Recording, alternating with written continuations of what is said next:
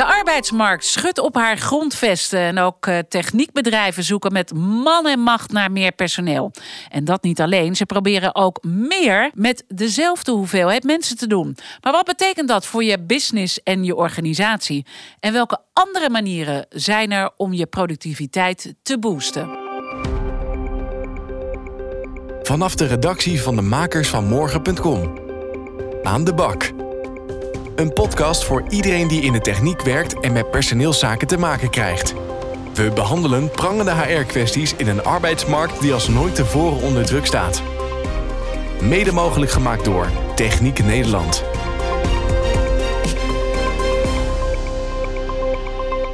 Mijn naam is Diana Matroos, journalist en vandaag jullie host. En centraal deze keer is hoe deal je met personeelstekorten? Bij mij aan tafel Ruud van Zijl. Hij is directeur van Homei Technische Installaties, onderdeel van Volker Wessels. Een bedrijf met 700 medewerkers en een flinke ambitie. En om dat allemaal waar te maken zijn ze overtuigd van het Max Verstappen effect. Uh, wat bedoelen jullie daarmee? Max Verstappen is bij ons gewoon iemand die je durft te belonen. Uh, Max is 25. Hij is volgens mij straks de eerste miljardair. Kan je bij ons niet worden, maar als je goed bent, krijg je meer. Dus eigenlijk moeten we stoppen met het uh, loontaboe. Dat moeten we eigenlijk doorbreken om mensen te behouden. Nou, je moet het salarishuis durven los te laten. En verder aan tafel Ilse Poppen. Zij is directeur van het Zeeuwse poppen-installatietechniek. En wat ik me bij jou heel erg afvraag, uh, Ilse, want jullie maken hele bijzondere matches. Hoe redt een keurslager zich in de installatietechniek? Ja, dat zijn mooie, mooie voorbeelden wel. We hebben een, slager en een uh, kok die inderdaad zijnstromer zijn. En die uh, het vak hartstikke leuk vinden heel benieuwd wat er allemaal achter zit en uh, hoe die hele reis uh, gaat. Uh, mijn laatste gast hier aan tafel is Matthijs Kosterbok, HR-manager bij de Van Dam Groep. En ik heb begrepen dat jullie ook heel veel, en jij ook, veel van andere culturen leert als het gaat om de ja, nou, personeelstekorten te lijf te gaan. En met name de werkethos. Wat leer jij van een andere cultuur op dat gebied? Um, ja, we hebben de laatste jaren veel ervaring in de instroom van nou, bijvoorbeeld mensen uit Eritrea of Syrië. Uh, en je ziet dat die gewoon heel anders naar werk kijken. En uh, daar leren we nog elke dag van. Wat dat precies is, dat horen we dan uh, zo meteen van je en ook alle andere learnings. Hoe dealen mijn gasten met personeelstekorten? In welke valkuilen willen ze nooit meer trappen? En in welke oplossingen geloven ze? Wellicht deze oplossing van de eigenaar van het Chinese restaurant Sea Palace in Amsterdam. Op dit moment hebben we wel te maken met personeelskort. Ik denk zoals iedereen dat heeft. Alleen wij lossen het wel gedeeltelijk op door gebruik te maken van de robots. Uh, want zij doen, het, uh, ja, zij doen het loopwerk eigenlijk voor ons, vanuit de keuken naar de tafels toe. En wij hopen juist, omdat wij die robots inzetten, dat iedereen van de bieding meer tijd heeft voor de gasten. Ja, dit is wel een heel bijzondere manier om het personeelstekort te lijf te gaan. Zou, zou dit überhaupt werken, Ilse, voor jou? Nou, creativiteit is wel heel belangrijk. Dus ieder op zijn manier. Ja, dus in die zin zou het kunnen helpen. Maar uh, Ruud, toch best wel lastig om al die robots aan het werk te zetten. En nou ja, dan zomaar het personeelstekort te lijf te gaan. Nou, begin maken we wel. Hè. We hebben boorrobots die s'nachts boren.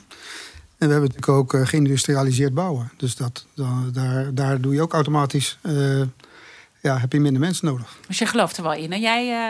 Uh, ja, als we het onderscheid maar blijven maken tussen mensen en robots. Dus uh, ja. van mensen geen uh, robotachtige acties verwachten. Dan geloof ik wel in. Oké, nou dit is natuurlijk één van de oplossingen. Maar we gaan natuurlijk over heel veel meer oplossingen nadenken. Zou er ook nog een manier zijn uh, om wat uh, dingen die heel erg uh, in de processen zitten, om daar bepaalde veranderingen in aan te brengen, Ruud, om te zorgen dat het werk, nou ja, eigenlijk behapbaarder wordt? Ja, ik vind dat je moet standaardiseren. Wij zijn techneuten en elke techneut die weet per definitie een unieke oplossing te bedenken voor een steeds dezelfde vraag. Dus als je, wanneer je dat nu stopt en zorgt dat je meer standaardiseert, dan kan het eenvoudiger en kan het ook makkelijker in ieder geval begrijp ik bij jou dat je in ieder geval vindt dat we hem gewoon maar met dat personeelstekort moeten dealen. En daar ook niet zo heel ingewikkeld over uh, moeten doen. Het is er. En uh, deal ermee. Hoe dealen jullie ermee? Ja, dat is, een, dat is een hele brede vraag. Maar ik denk het mooiste voorbeeld wat wij doen. Is naast alle BBL's en uh, vakscholen en de gastdocenten. Dat ik denk dat wij op dit moment ook echt zij-inschomers handhaven tot aan mensen met de statushouders. En er zijn hele mooie voorzieningen voor. Uh, waarbij je mensen die je op dit moment niet eigenlijk als techneut betitelt, mm wel als techneut kan gaan inzetten of voor deeltaken binnen een project. En, en ja, dan wordt de wereld veel groter. Hoe groot is die groep? Nou ja, als je alles behalve de techneuten kiest, heel groot. Ja. Kijk, traditioneel is het bij ons altijd zo dat wij in projectteams denken. En de projectteams zijn per definitie mensen die een technische opleiding hebben. En die bij voorkeur dan het zogenaamde schaap met vijf poten zijn. Uh, van juridisch tot aan technisch en projectleiderschap. Alles moet in zich zitten. Maar als je nou, wanneer je de, die taken nu knipt, dan heb je in één keer een veel bredere mogelijkheden. Dan heb je mensen die juridisch geschoold zijn, logistiek geschoold zijn, uh, bedrijfsmatig geschoold zijn, fiscaal geschoold zijn. En dan kan je natuurlijk vanuit een veel bredere groep kan je met een veel bredere groep kan je zo'n uh, project aanvliegen. Dus je durft eigenlijk heel anders naar functies te gaan kijken en dingen op te knippen, waardoor je ook uh, ruimte biedt voor andere groepen die binnen kunnen komen. Ja, want als we sec naar, de, naar onze traditionele technische mensen kijken, daar zijn er gewoon onvoldoende van. Uh, dus dan zou je toch iets moeten verzinnen. En ik ben het wel eens, wat je net zei, ik zie het niet echt als een probleem. Het is een uitdaging. Uh, en die, en die, en die, uh, daardoor krijgen we wel verandering en die hebben we gewoon nodig. Ja, is, is, is zoiets moeilijk om nog in zo'n organisatie aan het vliegen te krijgen? Dat, dat iedereen dan in het begin zal zeggen: ja, moeten we dat nou wel doen, dat opknippen van die functies? Nee, eigenlijk niet. Want wat je ziet is dat er, uh, dat er doordat je ook, noem maar even, een logistiek medewerker aan een, aan een projectteam toevoegt, dat het logistieke deel er uiteindelijk beter gaat. Dus, de, dus uiteindelijk is de, is de input of de output van, van, van in zo'n projectteam is gewoon beter. En dat, dat creëert draagvlak. Even los daarvan uh, uh, kan ik me ook voorstellen, en we spraken daar net ook al even over, over het standaardiseren van werk, dat je werk ook op een andere manier kunt organiseren. Uh, jullie werken heel veel met prefabricage en, en doen uiteindelijk alles, nou ja, eigenlijk maken op de plek waar het uiteindelijk, of je maakt het eigenlijk al in een fabriek ja. en dan gaat het er in één keer naartoe.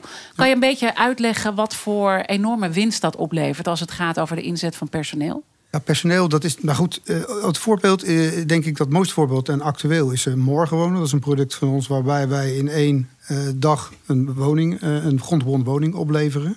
Die woning is voor, nou zeg, 85% gemaakt in de fabriek. Bij ons in Koevoorde. En als het over de installatietechniek gaat, dan hebben wij nog 16 manuur nodig ter plaatse om die woning af te monteren. En daarmee hebben we dus een volledige woning installatietechnisch. Dan heeft het over sanitair, over, de, over de warmtepomp en over elektrische installatie hebben we lokaal nog teruggebracht naar uh, eh, 16 uur. Uh, en in de fabriek is het uh, seriematig werk geworden, waarbij ook nogmaals een, iemand die het beton staat te verlechten, ook de dozen kan instorten. Dus dat, dat gaat allemaal veel sneller dan? Ja, en de vaalkosten worden minder. Dus, dus, dus per definitie hebben we minder uren nodig. Ja, kan, kan je een beetje een inschatting maken hoeveel uh, uh, man, menskracht het scheelt en hoeveel uren het scheelt. Dus waar je vroeger, nou ja, uh, noem eens wat, vier tot zes monteurs twee maanden liet werken aan zo'n project. Hoeveel winst maak je dan nu? Ik weet bijna zeker dat, we, dat het minimaal gehalveerd is. Gehalveerd? Ja. Jeetje, dus dat is echt gewoon, daar, daar, daar, daar kan je dus een enorme slag maken.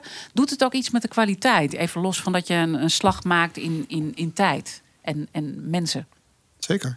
Als we het honderd keer goed doen, dan hebben we het honderd keer in één keer goed. Eh, eh, gaat het een keertje fout, dan hebben we het honderd keer fout. Dat is dan de andere kant. Maar nee, je, je, gaat het zodanig inrichten met elkaar. En uh, vanuit proefversies uiteindelijk naar een definitieve versie. Ja, en dan worden de handelingen worden standaard. En daarmee is de foutkans, uh, neemt zien de af. En het product wordt uiteindelijk beter. Nou, en je vertelt het eigenlijk allemaal heel relaxed, of het gewoon gesneden koek is. Maar valt er nog iets te winnen bij jullie? Dat je denkt, nou, dit mogen we zelf nog wel ietsje beter doen, want wij kunnen ook nog wel wat winnen hier halen? Nou, wat je wel ziet met, met gestandardiseerd werk, is dat het ook eentonig werk kan zijn. Dus, uh, dus de, de, de, onze traditionele vakmensen, die, uh, ja, die krijgen daar natuurlijk niet heel snel warm voor. Uh, dus het zal toch een mix zijn van het traditionele werk en, en noem maar even mensen van buiten onze sector die je daar dan weer wel heel goed voor in kan zetten. Ja, want dat is natuurlijk ook iets anders waarmee je mensen behoudt, is dat ze hun werk heel erg waarderen en dat het iets heel uh, bijzonders is. En dat neem je hier eigenlijk een beetje mee weg. Dus je moet echt goed balanceren. Ja, het is ook hoe je het vertelt. Kijk, uh, je kan zeggen, ja, je, je monteert prefabricage en dat is dan misschien vaktechnisch niet zo interessant, zou je kunnen verzinnen. Mm -hmm. Andere kant, je bouwt wel mee aan de oplossing voor in dit geval uh, de woningproblematiek uh, in Nederland. Dus als je het anders brengt, dan, dan, en ik denk ook daadwerkelijk dat het zo is, eh, ja, dan draag je gewoon aan iets anders bij. En een hoger doel dan alleen maar uh, die wandcontactdoos monteren in het beton. Ja, zouden we dat ook meer moeten uitdragen, dat gevoel? Zeker weten. Voor de techniek, ja. ja. Techniek, als ik het mag zeggen, techniek vind ik, een, zeker voor de jeugd, een veelkoppig monster. Uh, mijn kinderen, ik heb er vier, geen van, geen van vier wil techniek studeren. En waarom niet? Omdat ze gewoon geen idee hebben uh, hoe breed techniek wel niet is. Terwijl ze hun vader hebben rondlopen. Wat, wat, heb je niet goed gedaan? Ja, maar je doet per definitie niet, definitie niet wat je vader wil. Hè? Nee, dat is waar. Ja, dat, uh, dat herken ik ook uh, thuis. Maar goed, daar, daar, daar, daar, proef je wel dat er nog iets te winnen valt. Nou ja, ik ben van overtuigd dat als je de jeugd vertelt van... joh, draag bij aan de verduurzaming van Nederland... of wil je bijdragen aan de digitalisering Zeker. of de energietransitie... dan zijn ze wel geïnteresseerd. Ilse, uh, ik zei al eventjes, uh, een, een Zeeuws bedrijf hè, in de installatietechniek. jullie worden natuurlijk ook geconfronteerd met die personeelstekorten. Merk je dat het je ook een beetje remt in de groei? Zeker wel. Ja, ja? ja het is keuzes maken, heel duidelijk. Ja, ja want, want, want dat is natuurlijk heel frustrerend. Je, je gaat hartstikke goed als bedrijf, je wil ja, dus... groeien. En hoe, in hoeverre remt het jullie? Is dat echt een flinke rem?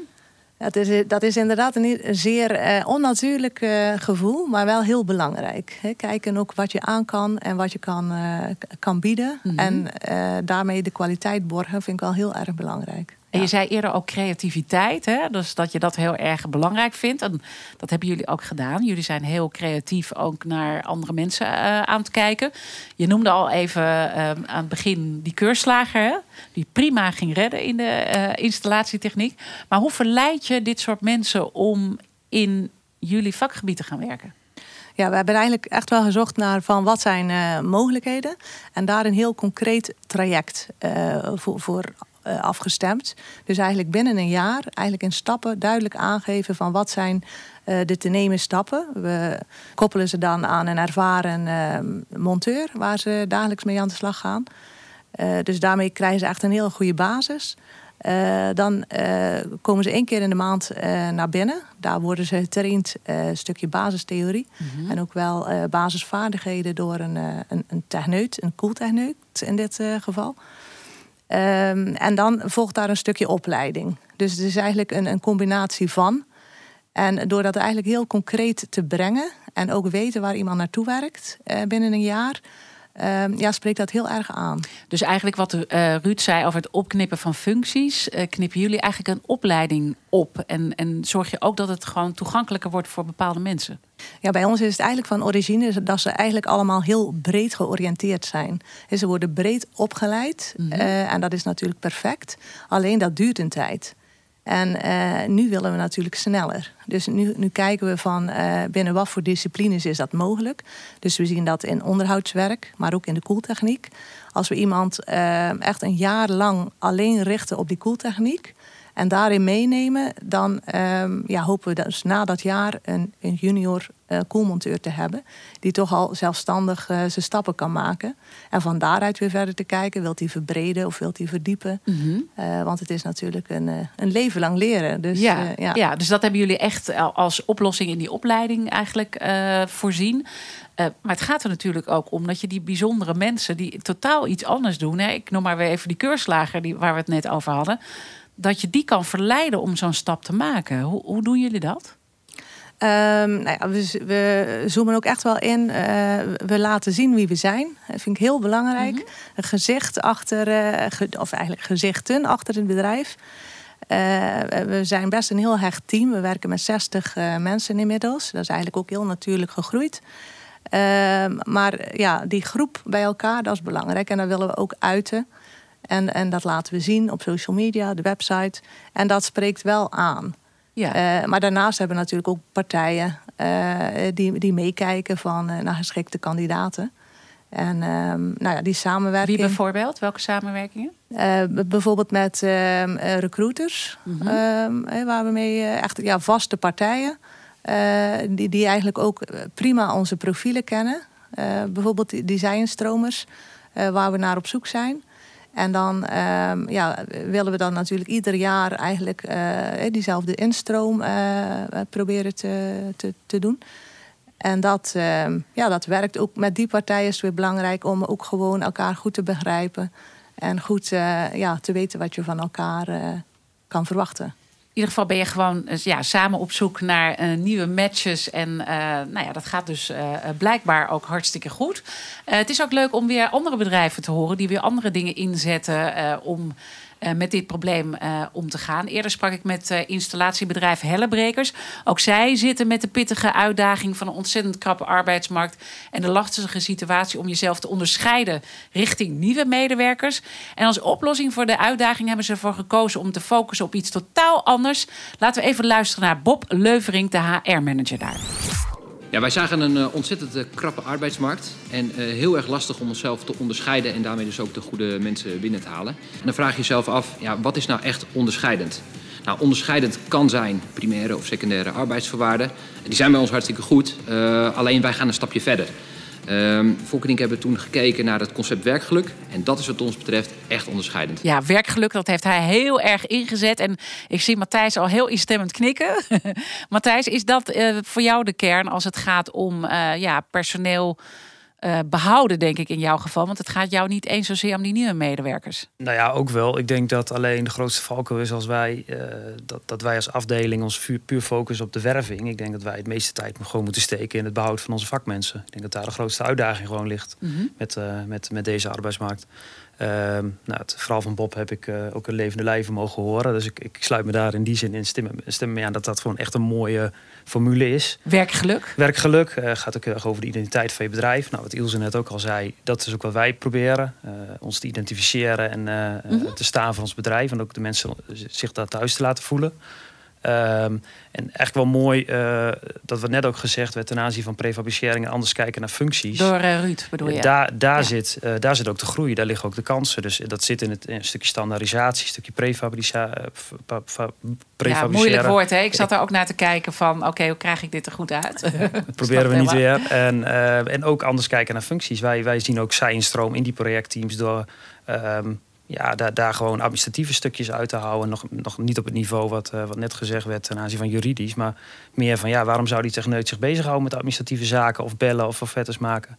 En wat de bijvangst is, misschien ook niet onbelangrijk, is dat die mensen ook dingen gaan doen vervolgens die ze ook echt leuk vinden. Dus los van dat je nieuwe mensen vindt, volgens mij excelleren anderen daardoor ook. Ja, dus, dus zie ik het dan voor me dat bijvoorbeeld dat je naar iemand kijkt en dan. Uh, ziet, joh, uh, diegene is niet goed in dat stukje, dat haal ik weg en dat geef ik aan iemand anders? Nou, dat, dat, nee, dan lieg ik. We op zich kijken wel meer func op, op, functieniveau. Dus je kijkt meer van wat, wat, wat, wat zit er in functies en wat kunnen we eruit halen.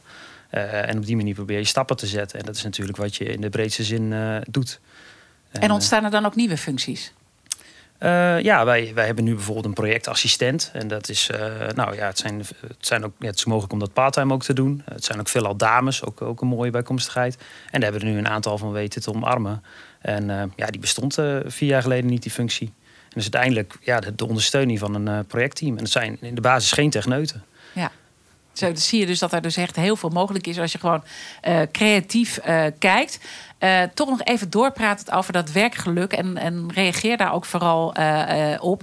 maar ik begrijp dat het vooral bij jullie ook een heel belangrijk punt is om 90% van de energie te steken in het behoud van mensen. En dan heb je het ook over werkgeluk. Dat zit hem dus in, nou ja, goed kijken naar die functies. Maar het zit bij jullie in veel meer. Vertel eens. Uh, nou ja, uiteindelijk uh, je wil mensen, mensen vasthouden en de, dan moet je denk ik een goed salaris bieden, maar dan moet je ook gewoon zorgen voor. Uh, ja, nou ja. Max, Max Verstappen verhaal hè, van Ruud. ja. ja, ja, nou ik, wij staan er wel iets generieker in in die zin, want okay. het grootste gevaar is natuurlijk om, om, om daar nou ja, enorme onderscheid in te kennen, zeker als je hetzelfde verlangt van mensen. Maar ik ben het wel mee eens dat goed presteren beloond mag worden. Um, maar ja, anderzijds moet je ook gewoon goed weten wat er leeft en speelt. En uh, mensen ook de kans geven. En um, ik denk dat, dat, dat je ja, in gesprek moet blijven. Het gaat ook echt over leiderschap. Dus mm -hmm. uh, nou ja, uh, zorgt een leidinggevende dat de medewerker op zijn plek zit. Heeft ook het gevoel wat die, wat die persoon nodig heeft. En um, wat ik ook een belangrijke vind, ook wel in lijn met het vinden van nieuwe mensen, is dat wij nieuwe posities ook altijd intern aanbieden. Dus dat je op die manier uh, stimuleer je ook automatisch doorstromen. En daar ook uh, ja, echt volop in te zetten om um, ja, iedere vacature eigenlijk als ambitie te hebben dat die intern weer opgevuld wordt. Ja, dus daar zit ook eigenlijk dat gevoel in van het allerbelangrijkste zijn gewoon de mensen die al bij je werken. En soms ben je geneigd om te veel naar buiten te kijken hoe je die mensen verleidt. Maar jij zegt we verleiden echt de mensen intern? Dat, dat, dat is waar we met name mee bezig zijn. Ja, en dat, dat is, er zit natuurlijk wel een kanttekening aan. Wij hebben ook gewoon ervaring nodig. Wij hebben ook gewoon mensen op bepaalde niveaus nodig. En in eerlijkheid, die kunnen we heel moeilijk vinden. En daar zijn we ook heel, ja, heel hard naar op zoek. Uh, ook met de genoemde recruiters en met allerlei campagnes. Ja. Uh, alleen, je moet je daar niet blind op staren. Uh, want dat, dat gaat niet werken. wij willen ook niet het bedrijf zijn wat maar rondbelt naar, naar de home uh, nou, poppen zullen we denk ik vermoedelijk niet zo snel bellen in Zeeuws-Vlaanderen. Maar uh, nee, dat wil je niet. We willen de overtuiging hebben dat mensen graag bij ons komen werken. En ja, goed. Ja, en, en, en dat lukt goed? Nee, dat kan wel beter. Ja, wat kan er beter? Het, het vinden van mensen zou wat mij betreft wel beter kunnen. Ja, maar het zorgen voor de eigen mensen, dat gaat goed. Ja, ja. Want, want misschien kan je nog een beetje ons meenemen in die uh, sociale vitaliteit ook uh, van jullie bedrijf. Waar je ook heel erg aandacht besteedt aan het goed zorgen voor mensen. Hoe ver gaat dat? Nou ja, ik denk uh, ten aanzien van bijvoorbeeld vitaliteit als voorbeeld, daar hebben we ook echt uh, collega's in meegenomen, uh, een commissie opgericht, die heet dan Fitter, het Van Dam Groep, die ja, best wel mandaat en ruimte heeft om initiatieven te ontplooien. En dat kan zijn van het faciliteren van een sportwedstrijd, maar ook um, ja, instructies voor hoe, hoe, zit ik in een bus, een markt over vitaliteit, maar ook gewoon coaching naar behoefte. Ja. Um, want als je zorgen maakt over hoe het met iemand gaat, dan zou je iemand echt ook daar echt gaan helpen. Zowel in privé, balans, werksfeer. Ja, nou is het natuurlijk wel zo dat ik niet vind dat die commissie daar de verantwoordelijkheid voor heeft. Dat is meer om denk ik de goede initiatieven te omarmen. Uh, maar ja, zeker. Uh, we doen er alles aan om duidelijk te maken dat ja, we graag in gesprek willen blijven over ja, alle, alle ja. mogelijkheden. Op dit moment natuurlijk ook gewoon een zorg van wat gebeurt er in de wereld. Wat doet dat met, met onze collega's? bedoel, we staan net zo hard in de samenleving als ieder ander. En ik denk de grootste uitdaging is hoe, uh, hoe zorgen we ervoor dat iedereen deze tijd doorkomt. Aan de bak tips. Samenvattend, de tips uh, die jullie hebben. Als ik mag beginnen bij Ruud. Ruud, als het gaat om het uh, dealen met personeelstekorten, wat is dan jouw belangrijkste takeaway? Laat toch alsjeblieft die, dat salarishuis los en durf echt verschil te maken. Ik vind een projectleider van 25, die zijn er echt. Dat zijn talenten. Uh, ga dan niet de discussie aan dat iemand van 40 gewoon per definitie meer verdient. Daar mag je echt verschil in maken. En daar heeft niemand last van, want iedereen snapt dat die meneer gewoon beter is. Uh, daar krijg je geen nou, We zijn er soms in Nederland best moeilijk mee. Ja, maar, goed, dat, moeten wij, dat moeten wij echt loslaten, zeg je. Dat ja. Vind ik, ja. En Ilse? Um, ja, ik zie het uh, voornamelijk in het en, en, en verhaal. Dus eigenlijk echt goed zijn voor je eigen mensen, dat uitstralen naar buiten. En daarmee ook weer uh, ja, laten weten dat de, de mensen welkom zijn. En Matthijs? Ja, ik denk uh, aansluitend op wat net gezegd is, kijk anders naar functies. Zie kansen. Kijk gewoon kritisch naar welke taken liggen daar. En uh, ja, moet dat een techneut zijn? Want er zijn zoveel mensen die heel graag bij onze branche willen aansluiten. En die kunnen we volgens mij uh, in grote getalen omarmen. Eens. We moeten aan de bak, zoveel is duidelijk. En wat ik van deze aflevering leer, uh, los van de punten die jullie net uh, als de tips hebben genoemd, is dat we veel meer moeten laten zien hoe bijzonder dat werk in de technieksector is. En dat we dit land ook echt niet draaiende houden zonder al deze goede mensen.